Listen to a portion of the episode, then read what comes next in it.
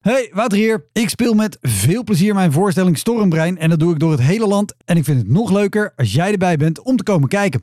Donderdag 14 maart kan dat in Alfa aan de Rijn. Vrijdag 15 maart in Henrikido Ambacht. Zaterdag 16 maart in Drachten. Donderdag 21 maart in Meppel. En vrijdag 22 maart in Raalte. Hoi! Welkom, mijn naam is Wouter Monde. Dit is de Elektra Podcast. Een podcast waarin ik met collega's herinneringen ophaal aan shows die ze liever waren vergeten. Genoemd naar het roemruchte jongerencentrum Elektra in Sliedrecht, dat ooit bekend stond als de comedy hell.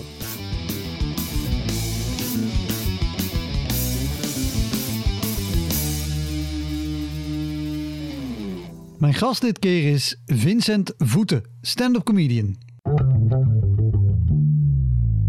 Weet je of de mensen wisten dat er überhaupt comedy ging Wisten zijn? ze sowieso niet. Nee, dat weten ze nu nog altijd niet. Als je nu vraagt van wat er komt, dan kan ze eigen niet herinneren. Vincent viel al vanaf dat hij in 2016 begon met comedy direct op door zijn unieke stijl. Donkere one-liners. In 2022 won hij Humo's Comedy Cup, de grootste comedywedstrijd van Vlaanderen. Vincent speelt veel op comedy nights en werkt nu, voorjaar 2023, aan zijn eerste avondvullende show. Naast schrijven voor tv-programma's is hij ook steeds vaker zelf op tv te zien. Onder andere bij De Ideale Wereld. Heel veel plezier. Dit is de Elektra Podcast met Vincent Voeten.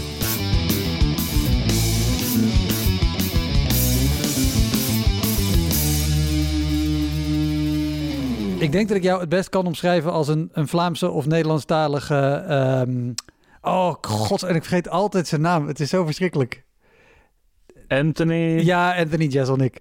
Eh en dat is, dat is aan de ene kant denk ik, ja, maar je hebt ook wel je eigen stijl en je eigen ding. Dus het is, het is makkelijk om dat te zeggen, maar dan weten mensen gelijk, ah, zo'n stijl. Gewoon one-liners eh, of, of, of, of toch hele korte bits. Heel, over, eh, ehm, compacte, compacte jokes. Hè. compacte jokes over eh, ehm, niet voor de hand liggende onderwerpen. Nee, Eh, Nee. eh, maar, maar wel heel erg goed geschreven en, en heel erg grappig. Ehm, want dat vroeg ik me wel af. Met jouw stijl, zoals hij, als hij is. Als mensen comedy snappen en snappen... oh, maar deze man maakt alleen maar dit soort jokes. Het is niet dat hij echt dit soort dingen doet. Eh, dan, dan werkt dat volgens mij heel goed. Maar met dit soort grappen moet het ook wel eens gebeuren... dat je ergens staat en dat mensen je aankijken en denken... oh mijn god, maar deze man maakt grappen over seks met kinderen en verkrachting en weet ik wat. Wat is dit voor een monster? Hier gaan we niet om lachen. Ja, raar genoeg is dat de laatste tijd minder eigenlijk. Omdat ehm, ik, begin, ik begin nu langer en langer te spelen. Omdat ik ontrouwd ben voor mijn, eh, voor mijn eerste avondvullende. En ik begin ook effectief met de kaderen wat ik doe. Ah, Ik zeg letterlijk, ik vertel moppen over verschrikkelijke dingen. Maar dat is niet hetzelfde als de verschrikkelijke dingen zelf. En raar genoeg geeft mij dat eh, pakken meer krediet. oh, wat goed. Eh, ja, dus dat helpt enorm. Ja. Maar dat, maar dat is gewoon- nu. Maar je speelt al langer en ook periodes dat je dat niet deed. Nee, en toen had ik ook geen plan B. En dan gebeurde het effectief dat de mensen afhaakten. Eh, als ik geluk had, was dat halverwege mijn set. Als ik pech had, was dat al mop 2. En dan... ehm, ja, dan worden het een heel lange 20 minuten. Ehm, ik had toen ook nog niet het zelfvertrouwen om dan rechtop te blijven staan. Ik, ik, ik ga gewoon gelijk naar een pudding, stuikel ik dan mee in elkaar. en dan eh, is dat zeer pijnlijk en zeer eh, vreemd ook, denk ik, om naar eens te kijken. Ehm, maar ja, ik zeg het, dat ze wel stil al aan het uitgaan. Maar, maar vroeger is dat zeker en vast gebeurd, ja. Dat mensen precies niet konden loskoppelen het materiaal van de persoon dat er staat. Ja, Ehm, terwijl ik, ik doe dat materiaal niet omdat ik zo ben, maar omdat ik dat zelf grappig vind. Dat is mijn soort humor, dat Ja, ja, ja. donkere, Dat, dat, die ongewone onderwerpen. Ehm, ja, en, en dat is er al met, als ze afhaken, haken ze ook definitief af. en, weet je, weet je een show te herinneren wat je zei? In het beste geval was het halverwege, in het slechtste ge- geval na mop 2. Weet je een show te herinneren waarbij ze dus al, al heel vroeg afhaakten en je dan nog weet... ik moet nog 18 minuten? Ja, als dat gebeurde, was dat vaak met voorprogramma's. Je hebt wel wat voorprogramma's staan voor Jens en Donker, ook voor William Boeven. Ehm, die, ah, een heel ander soort humor hebben als mij. En daar kon ik dat wel hebben. Ik heb bij de Jens ooit voorprogramma's gedaan dat, dat dat ik nou twee uh, al merkte van niemand is nog mee. En dat ik dat gewoon benoemde van oei, eh, het publiek is precies afgehaakt. En dat er ook zo iemand achteraan in de zaal zei, ja, en terecht. dus, ja. Zo. Het was al pijnlijk, maar laten we het nog pijnlijker maken voor de man op het podium. En...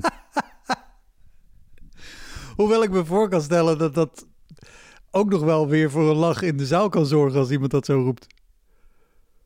Uh, ja, ik vermoed dat er altijd wel een paar mensen zullen die het wel grappig vonden en die zullen het dan extra grappig vinden. Um, het, het, probleem was toen dat het ook zielig werd voor mij. Ik vermoed dat je op mij ook al kon zien dat ik mezelf trouw begon te verliezen, dat ik ook er geen zin meer in had, dat ik, ik probeerde dan wat sneller te spelen, wat energieker, maar dat maakte het gewoon erger. Mm um, heeft ooit tegen mij gezegd, bij uw stijl zijn, als ze afhaken, moet je eigenlijk nog harder gaan. En zei, je, als ze niet kunnen terugwinnen door, eh, door wat vrolijker te beginnen doen of, of wat de sympathieker beginnen uithangen, dat kan niet helpen. Uh, het enige dat je kunt doen is dat de mensen die het wel grappig vinden, door die nog een goede tijd te geven, er gewoon nog harder te gaan. En dat is ja de beste tips die ik ooit heb gekregen, want effectief, dat, dat, dat helpt. Ik zeg niet dat het een betere show wordt, maar voor mezelf wordt het nog wel draaglijker of dan. Ja, en meer, gebeurt het dan ook dat als je dat doet, dat de mensen die het wel leuk vinden, op een bepaald moment de mensen om hen heen weer gaan aansteken met lach, zeg maar? Of is iedereen die afgehaakt is dan ook wel echt gewoon aan het aftellen? ja, ik vrees het. Ik vrees het wel. Het is ook moeilijk te zeggen. Ik zit nooit in mijn eigen publiek. Nee. Um, maar ik denk wel dat je soms zo twee kampen krijgt bij mij en mijn publiek mensen die het heel grappig vinden en mensen die het totaal niet grappig vinden, maar die, die steken elkaar ook aan. als je het grappig vindt en je zit naast iemand dat het absoluut niet grappig vindt, dan vind je het nog grappiger. Ik heb dat ooit gehad met Gunter Lamoot. Dat ik een optreden kijken met Gunter Lamoot en naast mij zat iemand echt zo ah, met zo'n ogen te kijken van wat is dit? Wat alles gewoon nog grappiger maakt. Um, dus dat effect heb ik soms ook wel, denk ik, in een zaal.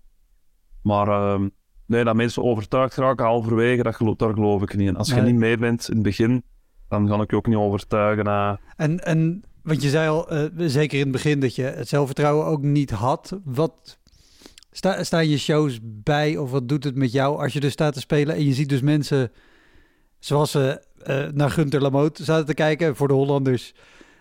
Gunter is iemand met ook een hele uitgesproken eigen stijl. En af en toe dingen dat je denkt, wat, wat gaan we doen? Ehm, helaas ook iemand die ik heb uitgenodigd en die zei: Ja, ik wil best meedoen, maar ik weet oprecht helemaal niks. Zelfs als collega's over shows vertellen waar ik bij ben geweest, weet ik het al niet meer.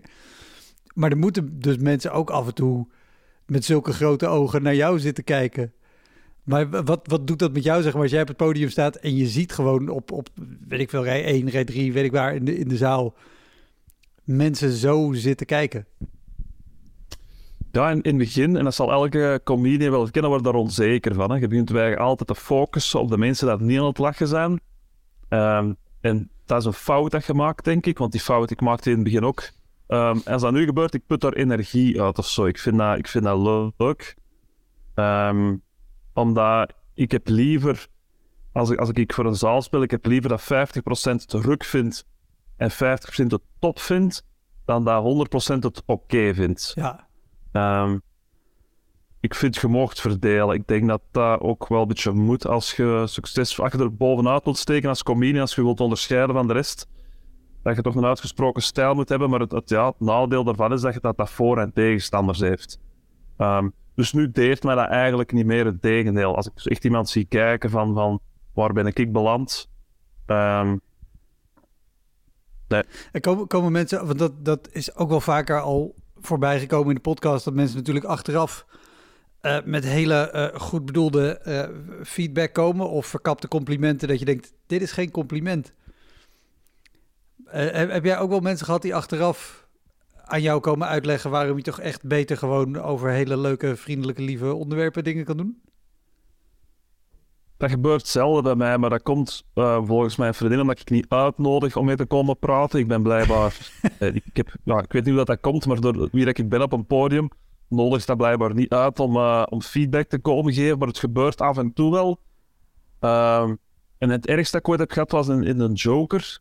Ehm, ik had er een half uur gespeeld en achteraf kwam er een, een vrouw naar mij. ehm, en dat was ook nog eens een collega. Ik werkte, want ik ben nu onlangs gestopt bij de politie, maar ik werkte toen ook bij de politie. En was er nog zelfs een collega, eh, iemand van, van Brussel, iemand dat ik uiteraard niet persoonlijk kende, maar die werkte ook bij de politie. Mhm. En die kwam zo mij echt eens even vertellen hoe dat ik comedy moest doen. Maar ja, wat jij staat te vertellen, dat is allemaal verzonnen. En je moet uit jezelf komen, die moet uit jezelf komen, anders is het niet oprecht. En is het, ai. En ik probeer dan ene keer uit te leggen van, kijk mevrouw, dat is niet wat ik doe. Ik vertel niks over mijn privéleven. Ik vertel puur de moppen. Bij mij gaat het om de, om de technische structuur van de moppen en, en, en de verrassing op het einde. Ehm, en dat kan over alles gaan. Ik verzin van alles, dat maakt niet uit. Dus wat jij zegt, dat is niet op mij van toepassing. Maar die bleef dat volhouden en dat werd, zo, ja, dat werd allemaal wat irritant of zo. Ehm, ieder zijn mening, maar probeert niet tegen mij te vertellen ehm, hoe dat ik mijn soort comedy moet, eh, moet bedrijven of zo. Nee, absoluut niet. Het is ontzettend irritant sowieso. Maar ook, ja, je, het is al jouw stijl. Jij doet wat je doet. Je kan prima zelf bedenken wat je, wat je daar wel of niet aan zou moeten veranderen. Ik, ik heb dit nog nooit gehad met mensen waarvan je denkt... ah ja, maar van jou wil ik iets aannemen. Dat het collega's zijn die je, die je hoog hebt zitten of zo. Het zijn altijd mensen die zelf ook geen comedy doen. Eh, Ik het nul hebben van wat comedy is. Ehm, nee, inderdaad. En, en ja, ik moet ook eerlijk zijn, zo mede-comedians, die zijn er soms ook wel schuldig aan. Zeker als je zo in het begin, die zo, en dat is allemaal goed bedoeld, hè. En, en ehm, ik, ik waardeer er ook enorm in het begin dat ik veel feedback kreeg van andere comedians, maar dan moet je wel selectief zijn in wat ga ik, met, met welke feedback ga ik iets doen en met welke ga ik vooral niks doen. Want als je iedereen zijn feedback gaat opvolgen, dan ben je elke week een ander soort comedy aan het Ja. Dus, En wat ik eh, sowieso, als ik nu zelf feedback geef, is dat ik tegenwoordig ook al aan mensen vraag van, hey, mag ik, mag ik je wat feedback geven wa- voor iets wat me is opgevallen? En dat ik er ook wel altijd bij zeg, alle feedback die je krijgt van collega's zijn altijd dingen waar die persoon zelf mee bezig is. Ja. En ik Ja. heb het ook wel, en dat, dat vond ik heel fijn zelf met feedback die ik kreeg. A, om dat in mijn hoofd te houden. En van, oh ja, het is ook altijd waar diegene zelf mee bezig is. Maar ook altijd, ja, weet je, neem, neem het allemaal aan. En soms zijn het ook dingen waar je echt pas twee jaar later van denkt. Ah, dat bedoel je. Oh, Ja, ja. oké. En ook heel veel dingen dat je denkt, ja, dat is heel leuk, maar dat, dat, dat gaan we niet doen. En zeker als het, als het niet eens is op, op, op spelniveau, maar echt op grapniveau. Dat iemand zegt, oh, maar daar en daar, daar kan je dit en dit bij zeggen. Ja, maar dan, dan maak ik jouw comedy. En ik ben niet Ja, ja, jou. nee, ik, eh, ik ben daar zelf ook heel zuinig mee. Als ik zo andere comedians bezig zie, alleen als ze het expliciet vragen. Jasper Passon had eh, mij onlangs uitgenodigd voor een van de laatste try-outs. En dat is vorige week in première gegaan met zijn eerste avond filmen. En had gevraagd, kom je nog eens een keer langs, Vincent, om, eh, om eens te kijken wat je ervan vindt. Ehm, en dan geef ik achteraf wel eerlijke feedback. Bij mij gaat dat heel vaak om zo woordkeuzes. ja, Dat is nu iets waar ik wel een goed gevoel voor heb van een synoniemen die grappiger klinken dan hetgeen dat hem nu gebruikt of zo. Dus op, en, en hij heeft er effectief dingen al van gebruikt en hij zegt dat het beter werkt. Dus eh, Ja, ik, ik, ik vind het heel grappig. Ik kan me voorstellen dat er nu mensen luisteren die denken: wat maakt dat nou uit? Weet je? En ik, ik vind het heel interessant, want ik zit ook heel vaak op zo'n niveau naar dingen te luisteren of te kijken. Heb je, heb je een voorbeeld van een woord wat hij gebruikte, waarvan je, of wat je zelf misschien een keer gewijzigd hebt, waarvan jij dan zegt: ah, pak beter dit woord? ja, het, het ging over, het, eh, gaat over een bits dat zijn vriendin scheten laat in bed. En dan, ehm, ja, hij zegt, ik weet niet wat hem net zei, maar ja, je ziet dan dat, dat romantisch beeld van uw, van uw vriendin, ziet je dan toch een beetje in elkaar stuiken of zo. Ehm, en ja, zoiets was het, maar ik zeg, ja, ik moet het woord afbrokkelen daar gebruiken. Ja. Het beeld afbrokkelen. En ehm, ja, ik weet niet, ja, dat voelde aan als beter en hij doet het nu zo en hij zegt dat het ook beter werkt. Ehm, en ik kan de vinger er niet op leggen waarom dat, dat beter is, maar in mijn hoofd is dat beter. En Mm. dat, dat, ja, Ja, maar ook, nou ja, daar gaat het, daar gaat het al lekker de diepte in. Maar ik vind het, het woord afbrokkelen is veel tragischer. Ja, is zo crumble daar. ja, ja, ja, ja. ja, inderdaad. En je- En ook je- die, die, die kaas zo afbrokkelen, het, het, het- ja, dat, dat rolt er ook gewoon beter uit. Terwijl onze taal, Nederlands, is sowieso al niet echt super geschikt om, om ehm, comedy te doen, vind ik. Maar probeer dan toch de woorden te kiezen die er zo ja, hard uit kunnen komen. Ai, Nou ja, inderdaad, harde woorden. Sowieso woorden met een K-klank zijn altijd fijn. Ja. Maar en wat volgens mij het Nederlands weer anders maakt dan bijvoorbeeld het Engels, is dat je ehm, of je een zin eindigt op een werkwoord of een zelfstandig naamwoord, kan ook een groot verschil maken. Ja. Wat, wat in het Nederlands vaak lastiger te doen is, eh, of lastiger, maar ehm, is dat soms minder makkelijk te doen dan dat je het in het Engels zou kunnen doen. En bij mijn punchline wil eigenlijk dat het, het verrassende stuk helemaal op het einde Mhm. zit. En ik denk dat dat in het Engels vaak gemakkelijker is om dat te construeren, eh, grammaticaal, eh, dan in het Nederlands. Denk ik ook, ja. Ja. En je noemde net al de Joker, wat natuurlijk eh, een comedycafé is in, in, in Antwerpen, of althans een café waar heel veel comedy plaatsvindt. Wat, op wat voor plekken ben jij eigenlijk begonnen? Eh, ik ben in een Joker begonnen. Ik heb ehm, eh, in, in Vlaanderen heb je de Comedy Academy. Dat zijn zo workshops die worden opgezet door eh Baas Birker. Ja. En Fokke van der Meulen. En dat is degene die eigenlijk de, comedy organiseert in Café de Joker. Ehm, en die doen zo twee keer per jaar een workshop. En ik heb die gevolgd. Ehm, en daar is dan een toonmoment aan gekoppeld. Eigenlijk een soort open mic, maar dan met al de deelnemers van de workshop. En dat was mijn eerste, eerste comedy optreden. Ja.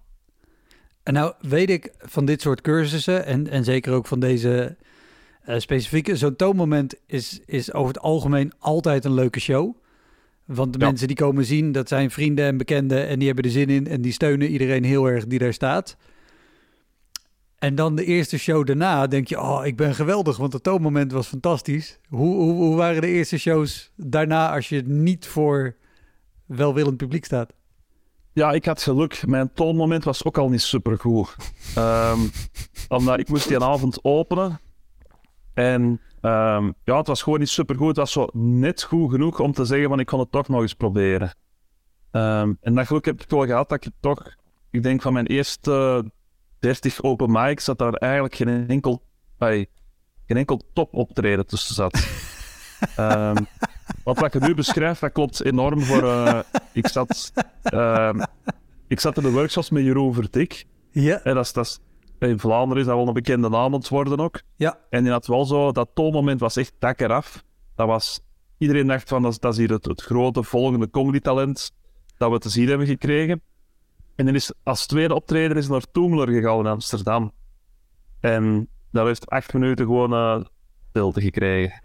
Oh, Dus dat was echt het type voorbeeld inderdaad van de eerste keer echt eh, super en de tweede keer niks. Ehm, en die, dat geluk heb ik dat ik dat niet heb gehad, omdat ja, bij mij was het in het begin gewoon niet super. Het was gewoon niet zo goed in het begin bij mij. Het was net goed genoeg om te zeggen van ja, daar zat wel een tof momentje.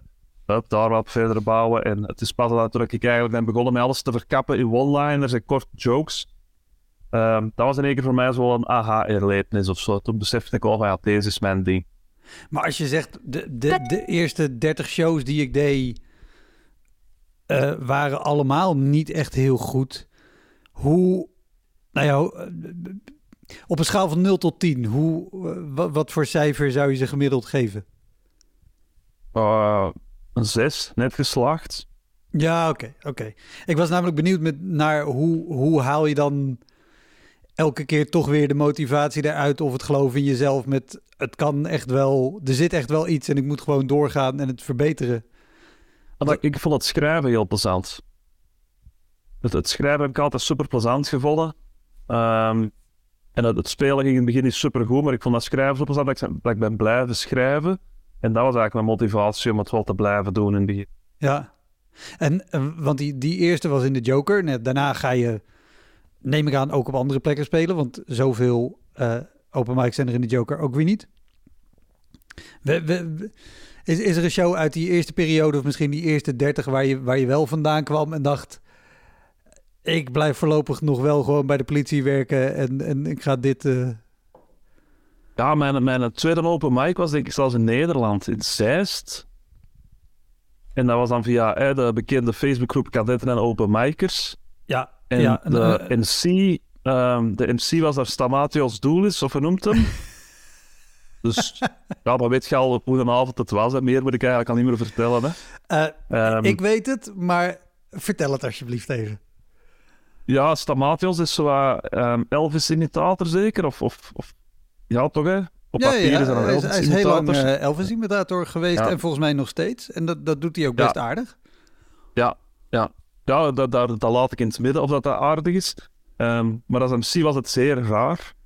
En dat was ook in een café, ik, weet absoluut de naam niet meer van het café, maar er kwam ook niemand voor comedy.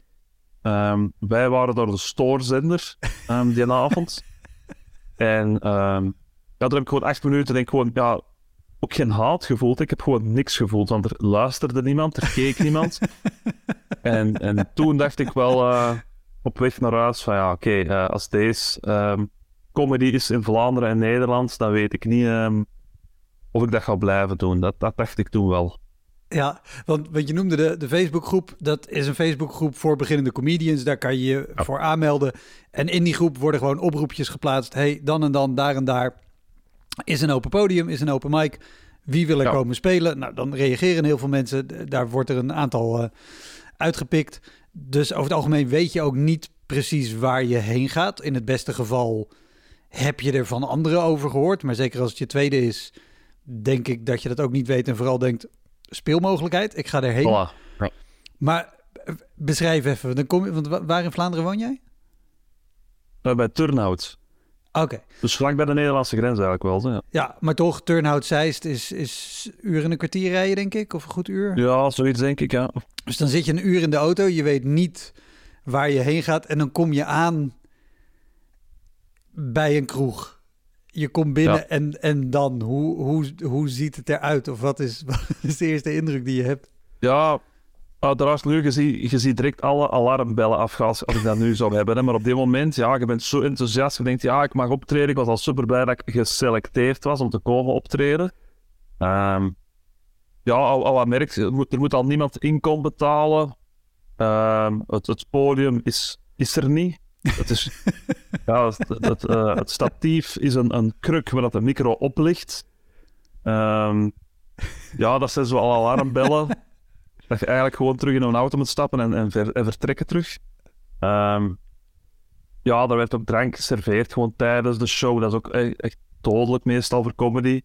Ehm, ja, en vooral mensen, dat, dat het publiek dat niet voor comedy komt, die er al zaten. En, en plots komen wij daar eh eh, hun tijd claimen, zo voelde dat. En ik heb dat ook nog vaak meegemaakt. Dat is typisch, denk ik. Daar moet iedereen wel door als beginner, die plekken. Ja, Ehm, en, en nu is dat, klinkt dat heel... Als ik daar nu op, op terugkijk, is dat charmant en, en zijn dat leuke herinneringen. Maar ehm, ja, op dit moment, dat zijn wel momenten, denk ik, dat sommige beginners stoppen. Als je er zo tien achter elkaar hebt. Ehm, maar ik heb in het begin de, de, de slimme keuze gemaakt van ook elke open mic in een joker, als ik kon gaan spelen, daar gaan spelen. En ehm, dat waren zeker niet altijd voor mijzelf goede open mics, maar die omstandigheden zijn daar wel perfect. ja, Um, iedereen komt daar voor comedy, iedereen snapt wat comedy is. Dat is altijd een heel goede MC. Hè. Der tijd was dat altijd nog Bas Birker. Um, dus omstandigheden daar zijn perfect. En dan voelt je wel, ook al bent je zelf nog niet goed van, oké, dit kan comedy zijn. ja. In goede omstandigheden. En daar trok ik mij wel aan op of zo. Ja, nou ja, het is ook precies daarom dat ik net vroeg... Weet je, wat voor cijfer gaf je dan die, die eerste 30? Want als dat 30 optredens in, in dat soort eh, cafés en plekken zijn... waar je vandaan komt en denkt... Oh, of, of denkt eigenlijk had ik gelijk om moeten keren... dan moet je heel veel doorzettingskracht of geloof in jezelf hebben om, om door te gaan. Maar eh, wat ik ook wel interessant vind, wie zegt... ik denk dat iedereen daar wel doorheen moet... zijn er wel dingen die jij daar geleerd of ontwikkeld hebt die je, die je nu nog steeds gebruikt? Eh, al dan niet bewust misschien hoor, maar, maar waar, waarvan je nu weet, ah ja, maar deze skill of deze kennis heb ik, heb ik toen daar opgedaan op dat soort plekken. Oh, skills heb ik dat niet echt opgedaan, omdat ik... ehm, tegenwoordig probeer ik wel wat meer publieksinteractie te doen. Toen deed ik dat totaal niet. Ehm, ja, wat ik mij gewoon van onthouden heb, is dat ik gewoon elke keer als ik nu op een echt podium sta, dat ik dankbaar ben voor de omstandigheden die daar zijn. dat, dat heb ik gewoon geleerd. Dat, dat, ik apprecieer enorm als ik ergens kom en de techniek is in orde, er is een deftige MC, de, de mensen komen voor comedy, mensen zijn gemotiveerd voor comedy.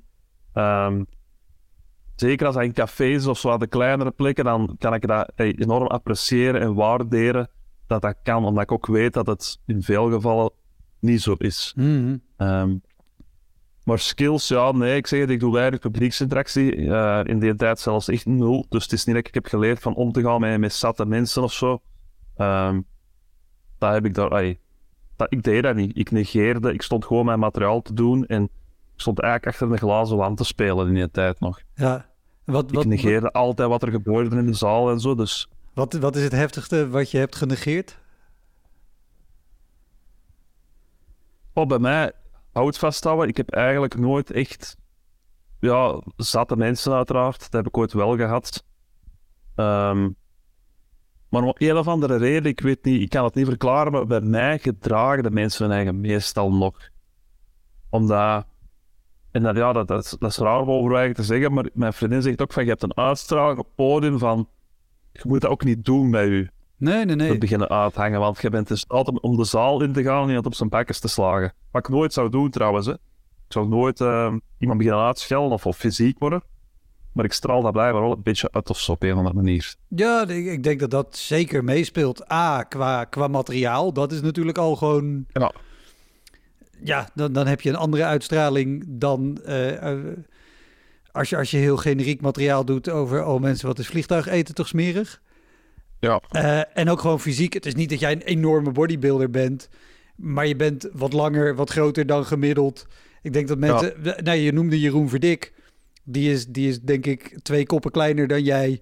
En heeft een, een hele drie koppen, kleiner, hele likable blonde, blonde jongen. Dat je denkt, ah, oh, dat is gezellig. Die nemen we mee naar huis. Daar zal er misschien meer bij. Uh... Ja, plus ik, ik stel ook tegenwoordig wel, maar toen ik, ik stelde nooit vragen aan het publiek. Dus ik, ik nodigde ook niet uit om iets te zeggen. Terwijl natuurlijk, als je, als je vragen begint te stellen, ja, dan zet de deur open voor, voor zatlappen om in interactie te gaan. En dat teken ik ook niet. Ja. Dus um, ik vind dat dat ook wel helpt, ja.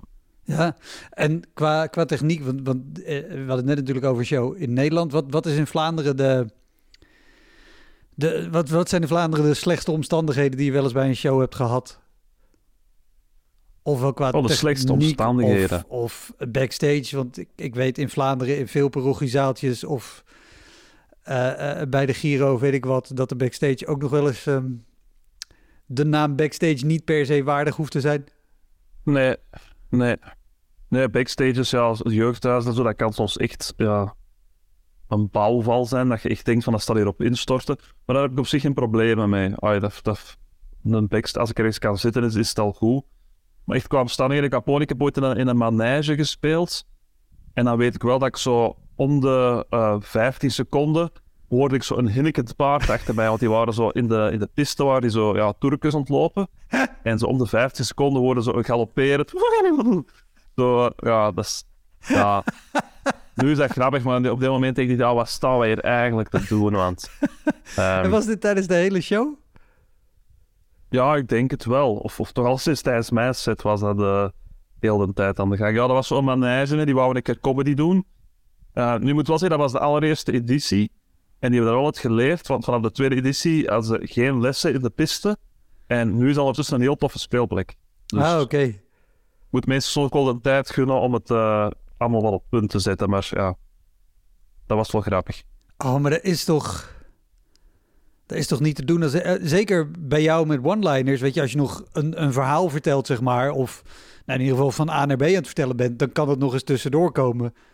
Maar bij jou helemaal, bij one-liners, waar het zo op een specifiek ja, punt aankomt. compleet, en dan... het ritme en de focus eruit, dat was, ja, nee. daar, ben ik, daar, ben, daar is mijn materiaal wel heel gevoelig aan, hè, een afleiding. Ja. Ik, moet echt wel een, ik, moet, ik heb echt wel die goede omstandigheden nodig om, uh, om goed te kunnen spelen, dat klopt. Hoi, Wouter hier. Luister je vaker Elektra? Dan is het een goed idee om crewmember te worden.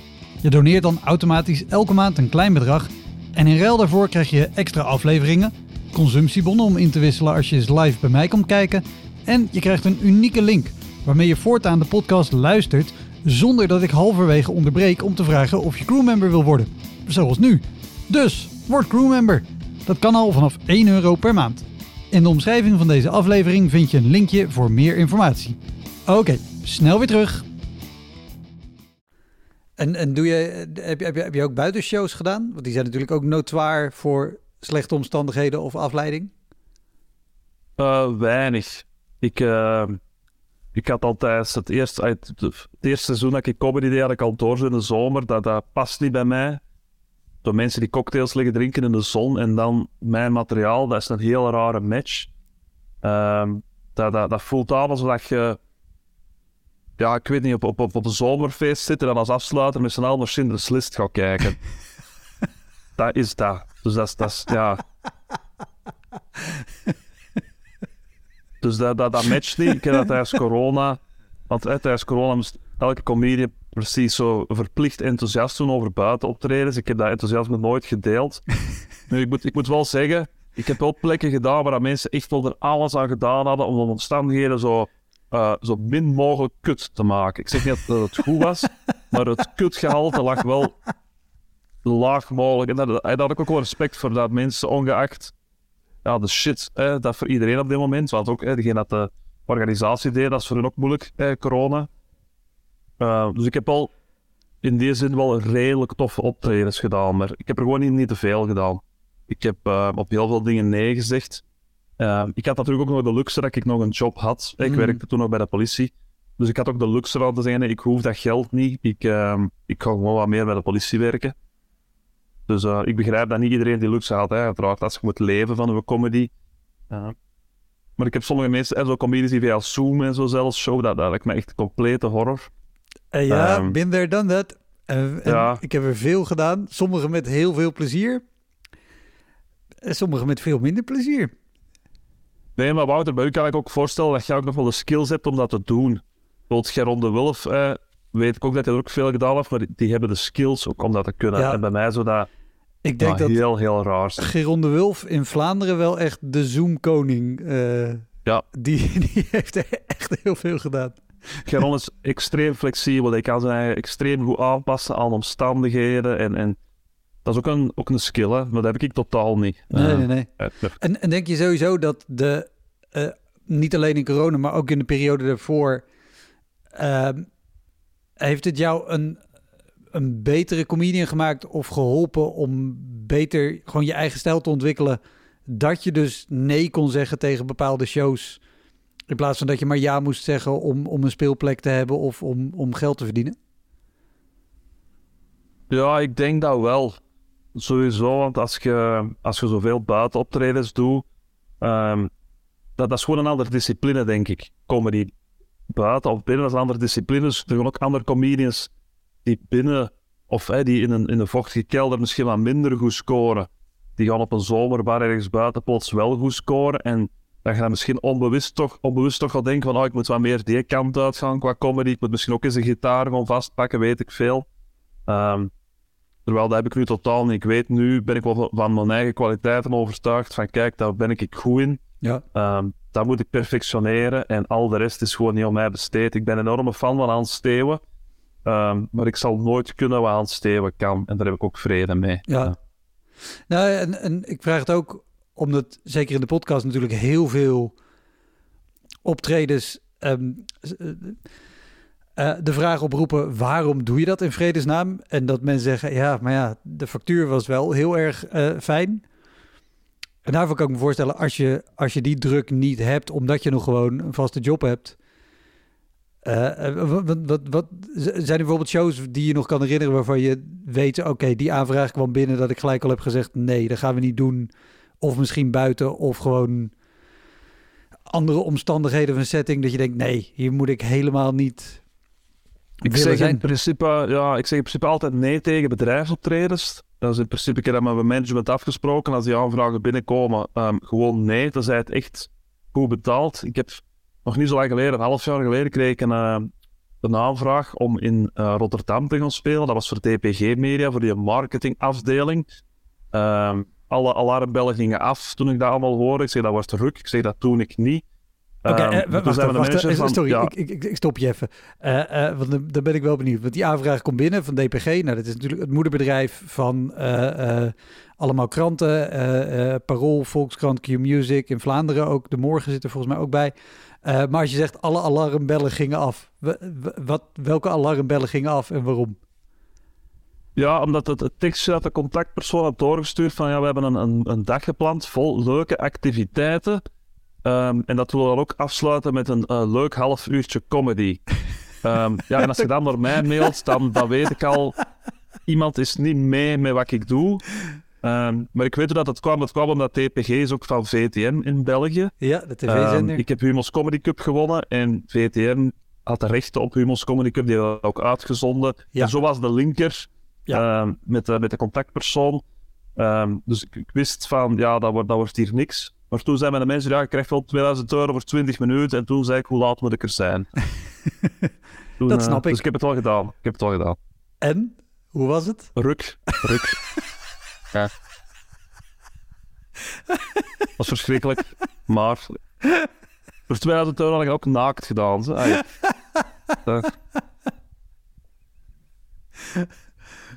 En eh, wat, wat, wat, was de setting van de, van de show? Het was een, eh, ik weet de naam niet meer van de bar. Het centrum van Rotterdam, een, een coole bar. Ehm, en dat liep daar vol rond met, ehm, met heel knappe dames in, in mooie kledij, mallen strak in het pak. Allemaal goed aan het, eh, aan het pentelieren. Die hadden ik al een hele dag gehad van, ja, ik weet niet, zo lezingen en presentaties, weet ik veel. En dan was er zo, ergens van achter het restaurant, was er zo een klein hoekje gemaakt. Ehm, zo echt een, een hoekje, dus geen, geen rechthoekig podium, maar echt gewoon een, een, een driehoek in de hoek geplaatst. Ja. Ehm, en daar lag dan eh, een micro, een draadloze, op de grond. En ehm, dat was de setting, ik kwam daar aan en dan, eh, ja, heel vriendelijke mensen, hè, vooral duidelijkheid. Maar ja, ja, ja, en daar gaat het gebeuren. En op een bepaald moment kan ze zeggen, ja, u, u mag beginnen. Terwijl iedereen stond daar nog in de receptie te drinken, de muziek stond nog op. Ja, u mag beginnen. maar ik dacht, 2000 euro, ik begin. En En w- werd, werd je aangekondigd? Ja, nee, nee. Nee, de DJ heeft geprobeerd iets te zeggen, maar zijn micro werkte niet. Dus ook dat viel weg. ehm, maar dat had het niet beter gemaakt, denk ik. Nee. Dus- En, en weet je of de mensen wisten dat er überhaupt comedy nee, ging wisten zijn? ze sowieso niet. Nee, dat weten ze nu nog altijd niet. Als je nu vraagt van was dat comedy, dan gaan ze eigen niet herinneren. Oh, maar dit is... Oké, en... Wat ik, ik, kan, ja, ik kan me deze setting zo goed eh, voorstellen. Ook omdat ik er zelf te vaak ook in ben geweest. Maar dan... Dus er is allemaal ru- rumoer. Iemand zegt tegen jou, begin maar. De DJ kan je niet aankondigen. Hoe, hoe begin je een show? Hoe, wat, wat doe je op dat moment? Ehm, ik zeg het, dat was een half jaar geleden. Dus al, al, ai, gelukkig had ik, heb ik nu wel het zelfvertrouwen om zoiets gewoon te baas te kunnen gooien. Ik pak de micro, ik probeer heel even de aandacht te trekken. Eh van, hey, goedenavond mensen. En dan, ja, drie mensen draaien dan eigenlijk om in de richting van het podium. Ehm, die 200 anderen niet. en ja, toen had ik ook zoiets van, ja, fuck you. Ik doe gewoon, ik ben gewoon materiaal. En ehm, ik ga niet liggen smeken, want dan, als ik als ik dan begin te smeken voor aandacht, dan voel ik mij echt zo het aapje in het circus, zo dans, aapje, dans. En dat weiger ik. Dat doe ik niet. Ehm, het is aan een organisator om de omstandigheden te creëren voor goede comedy. Ik weet, mijn management stuurt dat ook altijd door. Van kijk, er is een podium nodig, er is een aandachtig publiek nodig, er is een statief nodig, licht en geluid, en zo'n paar eh, parameters, de, de basisvereisten. Ehm, en als, als de organisatie daar lak aan heeft, dat, dat is goed. Maar dan heb ik er ook lak aan. Dat interesseert mij ook niet meer. Ehm, en ik ga niet, ja, niet met een toeter en, en vlaggetjes beginnen zwaaien in de hoop dat de mensen... Nee, dat doe ik niet. Ehm, dus ik doe gewoon mijn, mijn set. En eh dank wel voor uw aandacht en ik ben weg. en dan, de contactpersoon kwam achteraf van een hand geven. Ah, hey, merci, het was keigoed. Ja, ja. Oh, maar dan duren 20 minuten toch ook ongelooflijk lang. Ja, maar Wout, dat is 2000 euro, man. Ja, ehm, ik, ik, ik weet het, maar ook, ook 2000 euro maakt op het moment zelf de show niet makkelijker. Of, of kan jij het dan echt gewoon uitschakelen en denken: oké, dit is gewoon openbare tekstrepetitie. Ja, ik was met de juiste mindset vertrokken. Dus eh, ik wist dat het kut ging worden. Het was dan ook absoluut kut. En, en ik hoop, in, in, zo naïef ben ik ook niet meer. Ik, ik hoop dan ook niet meer dat het gaat meevallen. Ik weet, het, het gaat verschrikkelijk zijn. Ehm, in uitzonderlijke gevallen blijkt dat dan toch mee te vallen. Want dat gebeurt soms ook af en toe wel eens, dat, dat je dan denkt van, oké, deze was eigenlijk toch nog tof. Ehm, maar dit was exact wat ik ervan verwacht had. En daar heb ik ook absoluut geen moeite mee. eh. En is, dat, is dat iets wat, je, wat jij of uit jezelf hebt, of gewoon door nu een aantal jaar comedy te doen? Ja, Of is dit... ervaring. Ja? ervaring. Ja, want in het begin, ah ja, had ik dit in mijn eerste jaar gehad, dan was ik, was ik drie dagen slecht van geweest. Als een optreden. Van oei, niemand heeft geluisterd, niemand vond me goed. Ai.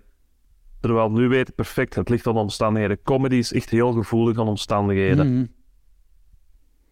En, eh, heb je in je eerste jaar wel shows gehad waar je dus inderdaad drie dagen van, van slag was?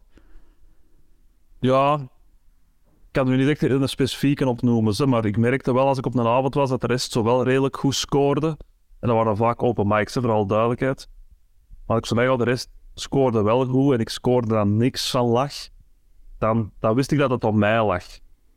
En dan wist ik van het ligt puur om een materiaal, om een, om een, om een spel.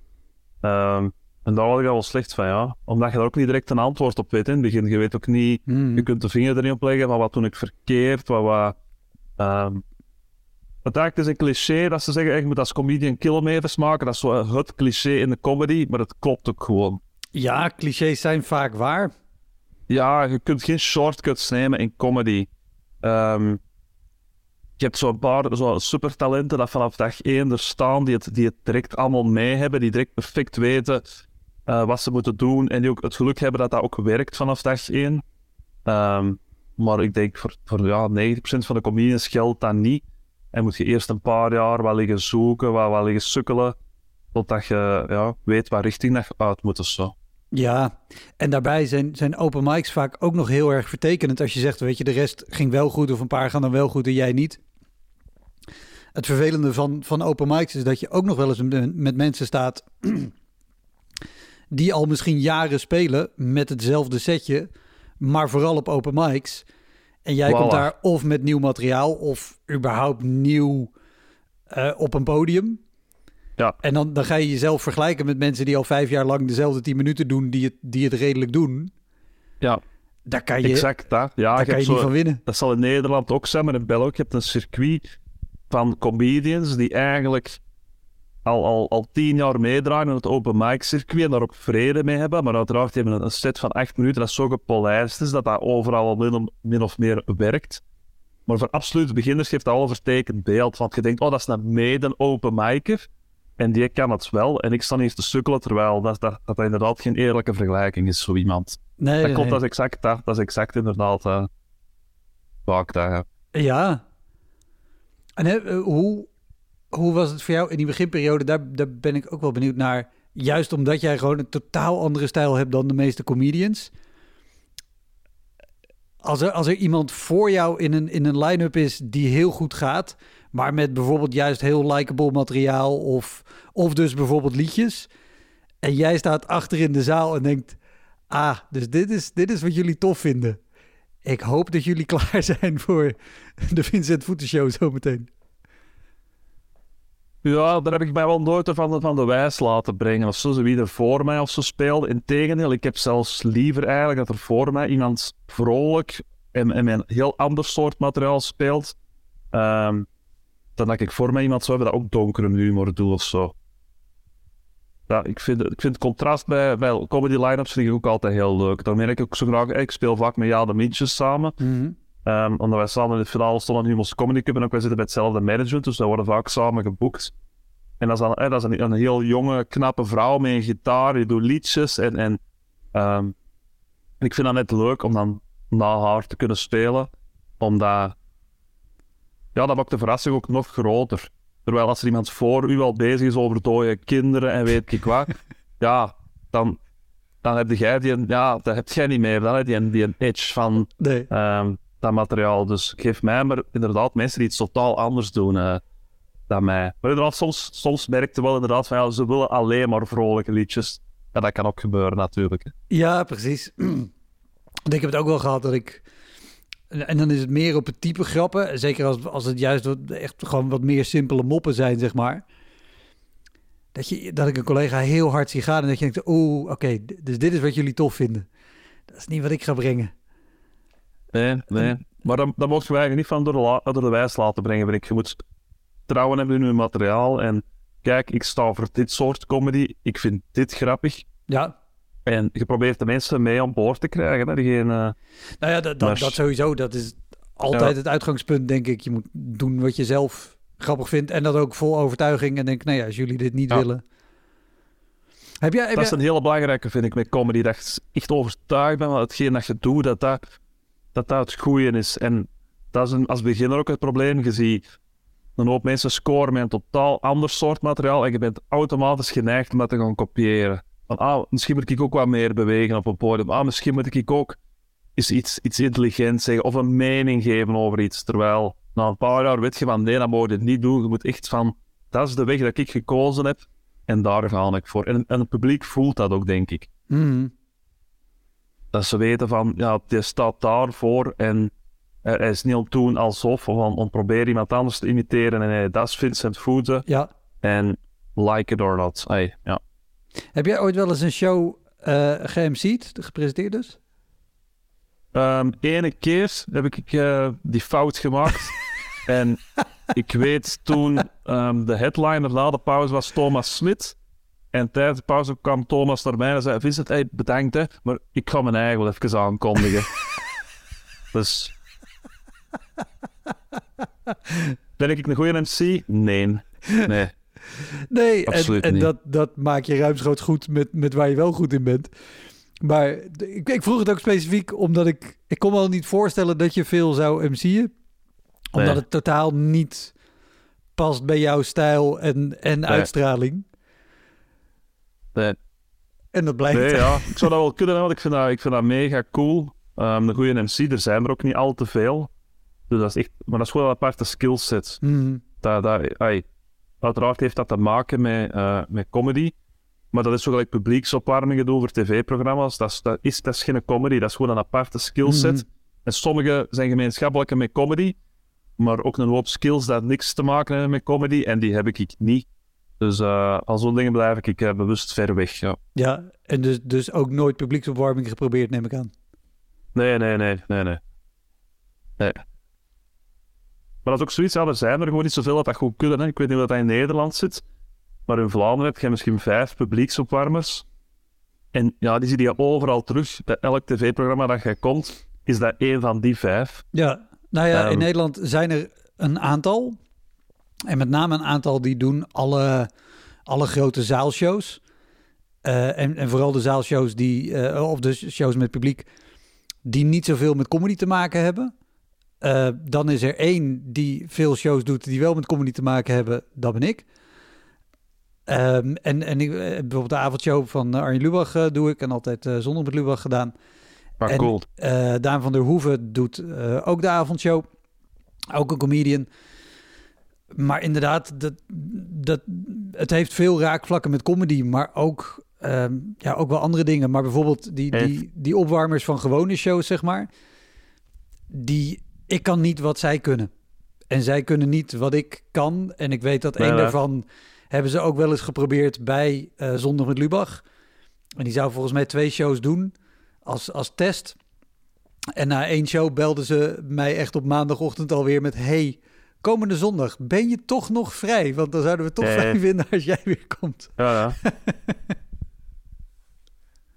Ja, maar ik begrijp dat. dat uh, ik heb ook al, ik weet ook comedians, echt en, en goede, degelijke comedians, die dat ook al geprobeerd hebben en die ook na één test hebben moeten zeggen van, uh, ja, sorry, maar uh, ja, en, die het wel onderschat hadden, denk ik. Hè? En op zich, kijk, ik, ik doe het bij de avondshow met heel veel plezier. En het is een hele leuke show om te doen, omdat daar alle omstandigheden kloppen. Want ook daar komt het echt aan op omstandigheden. En alle omstandigheden kloppen daar om het, om het zelf ook leuk te hebben maar het is echt iets wat ik, wat ik erbij doe en wat ik nooit als hoofdberoep zou willen. En ook denk, ja, ik weet ook niet of je per se als comedian zou moeten willen ambiëren dat je per se publieksopwarming kan doen. Want het is, het is deels een dankbare taak, maar ook deels ondankbaar. Weet je, staat een kwartier of tien minuten energie te pompen en dan, dan komt het echte leuke onderdeel van de avond. Ja, ja, je, je hebt inderdaad een beetje een, een dierende rol natuurlijk. Ehm, en ik begrijp dat, ja, dat dat soms... Ja. Ik weet dat er in, in België zijn er wel een paar die, die hebben altijd wel comedy gedaan ooit, maar veel van zijn gestopt met stand-up en doen enkel nu publiek parody, wat ook financieel ook interessant is. Ehm, maar ik begrijp wel ja, dat, dat als je enkel dat doet of enkel MC werkt, dat dat, ja... Ja, Ik weet dat, dat Bas bijvoorbeeld, hè, Bas is nog altijd de beste MC in Vlaanderen dat wij... Hey, het is een, hey, oorsprong een Nederlander uiteraard, maar dat is wel nog altijd de beste MC dat je in Vlaanderen kunt boeken. Ehm, maar die doet dat ook niet meer super graag, omdat hij ook op een niveau is gekomen dat hij als comedian zo goed is, ehm, dat hij ook niet meer graag ondergeschikt is aan de rest van de avond. het, het is van je budget zonde om Bas als MC te boeken. eh, Ja. Als je hem ook gewoon als afsluiter kan boeken. Ja, inderdaad. Dus ik vind het heel cool dat hem de open mics en de Joker nog wel af en toe MC't. Ja, Er is ons een beetje een erezaak van gemaakt dat hem dat wel blijft doen. En dat is super cool, want dat tilt die avond echt naar een. Snap? Dat Er mogen tien open mics zijn die ruk zijn. Je krijgt nog altijd Bas Birkers te zien. Dus Wat overigens ook de kracht is van een goede open mic, dat er ook een goede MC is. Want veel open Ja. mics worden georganiseerd door een open micer, dus door een beginner zelf. Die vooral denkt, ah ja, dan heb ik elke week of elke maand een plek om zelf te spelen. ja, En er dan achter komen hoe lastig het is om elke maand dezelfde show met vaak deels hetzelfde publiek te presenteren. ja, ja. ja, ja. Dat, is, dat is niet per se... eh, Nee, dat zijn absoluut ja, de, de fouten die iedereen maakt in het begin, denk ik, hè, met die open mics. Ja. En eh, dat vroeg me wel af, want je noemde het al, je hebt eh Humo's Comedy Cup gewonnen. Nou, dat is in Vlaanderen de grootste comedywedstrijd die er, eh, die er is. Daar zit volgens mij ook wel een, een finalistentour aan vast.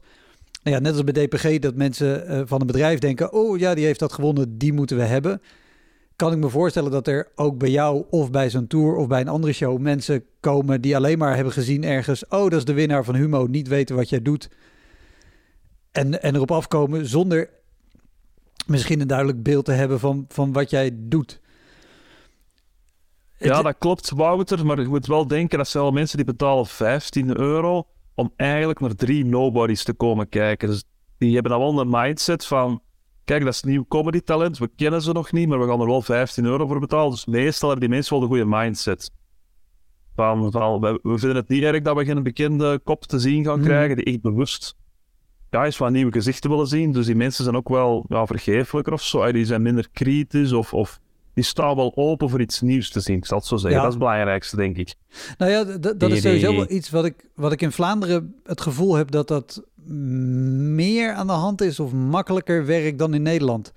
Dat mensen dus kunnen zeggen, oh, nou ja, het zijn de finalisten van Humo's, dus die zullen wel goed zijn, dan gaan we zien.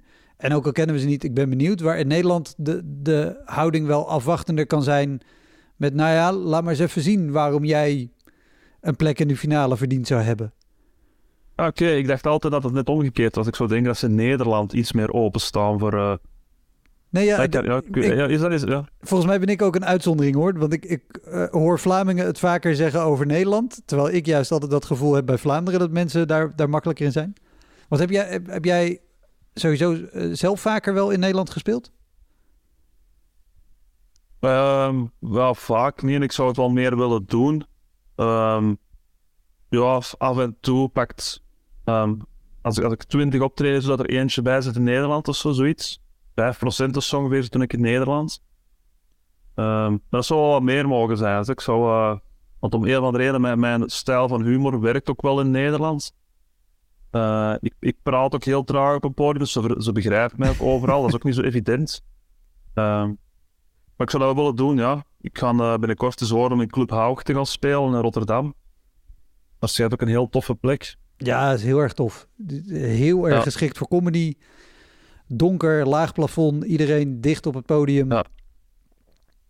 Ja, dus dat wil ik sowieso doen. En, en Toomler wil ik ook sowieso nog afvinken. Dat ging ik normaal zien doen, maar dan met corona is dat eh, niet kunnen doorgaan. Ehm, ja, zeker en vast. Ik kom heel graag in Nederland. Ik, ik hou veel meer van de, van de Nederlandse steden dan van de Belgische steden. Ehm, ik vind Antwerpen en zo ook tof. hè. Ik kom graag in Antwerpen en zo, maar ik kom, ik kom liever in Rotterdam. Of zo. Ja. Ja, ja. We- we- we- als, je, als je kijkt nu op, op, op ja, eh, je hele carrière tot nu toe, wat, wat is echt een show waar je aan terugdenkt en denkt... als, als, als dat alle shows voortaan zijn die ik, die ik nog doe, dan, dan stop ik. Hmm. Ja, zo uit, uit de recente geschiedenis was dat toch een keer een voorprogramma voor William Boeven dat ik gedaan heb. Dat er iemand daar in de zaal zo riep van, eh, dat ik zo zei, maar, de mensen hebben zich aan het afhaken. Dat er iemand riep, ja, en terecht. Dat was wel zo'n punt, toen had ik zo al een paar mindere shows gespeeld. Terwijl ik weet van, ja, ik heb nu de ervaring, dus het ligt aan mij, het ligt niet aan het publiek. En dan kwam dat er zo nog eens bij. En dan dacht ik zo bij, oké, als ik nu zo nog tien zo'n shows moet doen, dan moet ik misschien een andere hobby gaan zoeken. maar dan was de volgende weer super tof en dan was dat ook weer vergeten. Ehm, maar ik, ik, ik ben wel, ai, want dat wordt vaak van, van comedians, eigenlijk Jeroen Verdik weet ik, die heeft echt op een punt gestaan om te stoppen met comedy. Ehm, maar toen had hij zich plots geplaatst voor de halve finale van Humos. En dan heeft hij echt gezegd, dat was voor mij een kantelmoment. Dat ik zoiets had van, oké, ik sta in de halve finale van Humos Comedy Cup, ik ga verder met comedy. Ik ben wel nooit op dat punt gekomen dat, ik heb overwogen om te stoppen. Dat ik echt heb... Ai. Nee, ja, ik sowieso. Ik moet Jeroen eens uitnodigen. Maar ik ben heel benieuwd waarom hij dan zo, zo rigoureus op dat punt kwam. Ik heb het idee dat zijn carrière toch best wel... Ja, maar daarvoor had hij denk ik ook zo eh, een, een, een, ja, een aaneenschakeling van wat mindere optredens. En dan ja, ik snap dat je op een punt kunt komen dat je zegt van ik, heb het niet, of, of ja, het, is toch niet voor het grote publiek. Maar dan gebeurt er zoiets van in één keer, eh, half finale humo's. Um, hij heeft dan ook de voice-over mogen doen voor Love Island, dus dan is hij zijn carrière gewoon een stroomversnelling gekomen. Maar ik hoor dat wel van meerdere comedies dat die zoals een punt hebben gehad, zeker in een beginjaar, dat ze dachten van ik stop ermee. Ik heb dat wel nooit gehad, hoe slecht het ook ging, of, of um, net omdat ik dat schrijven zo leuk vind schrijf heel graag. Um, maar ja, comedy schrijven zonder het dan voor een publiek te brengen, dat is dan ook raar. Dus ik, ik wou het dan altijd nog wel presenteren of zo aan een publiek. Um, dus ik, ik, kan me niet herinneren dat ik ooit echt een moment heb gehad van ik stop. Denk ik. Of ik heb dat verbannen uit mijn geheugen, dat kan ook. nou ja, gelukkig niet, want je speelt nog steeds. Maar ja. Top, dankjewel. Dat was hem, de Elektra Podcast. Meer informatie over mijn gast van vandaag en linkjes naar van alles en nog wat vind je in de omschrijving van deze aflevering. Er staan ongelooflijk veel afleveringen online van Elektra. En op elektrapodcast.nl kan je makkelijk zoeken op de naam van jouw favoriete comedians en cabaretiers. Je kan daar ook eenmalig doneren of crewmember worden. Als crewmember betaal je maandelijks een klein bedrag maar dan krijg je ook nog eens bonusmateriaal. Je luistert voortaan zonder onderbrekingen. En je krijgt consumptiebonnen die je kan inleveren bij een show van mij. Ik vind het sowieso te gek als je een keer komt kijken bij mij. Dus ga naar woutermonde.nl. Daar zie je precies waar en wanneer ik optreed. Of meld je aan voor de nieuwsbrief. Dan hou ik je op die manier op de hoogte. En dan nog iets. Elke vrijdagmorgen doe ik een column op radiostation Kink. Je kan die column terugluisteren als podcast. Hij heet Kink op de Week en je vindt hem in de app waar je ook deze podcast luistert. Oké, tot de volgende Elektra. Hoi!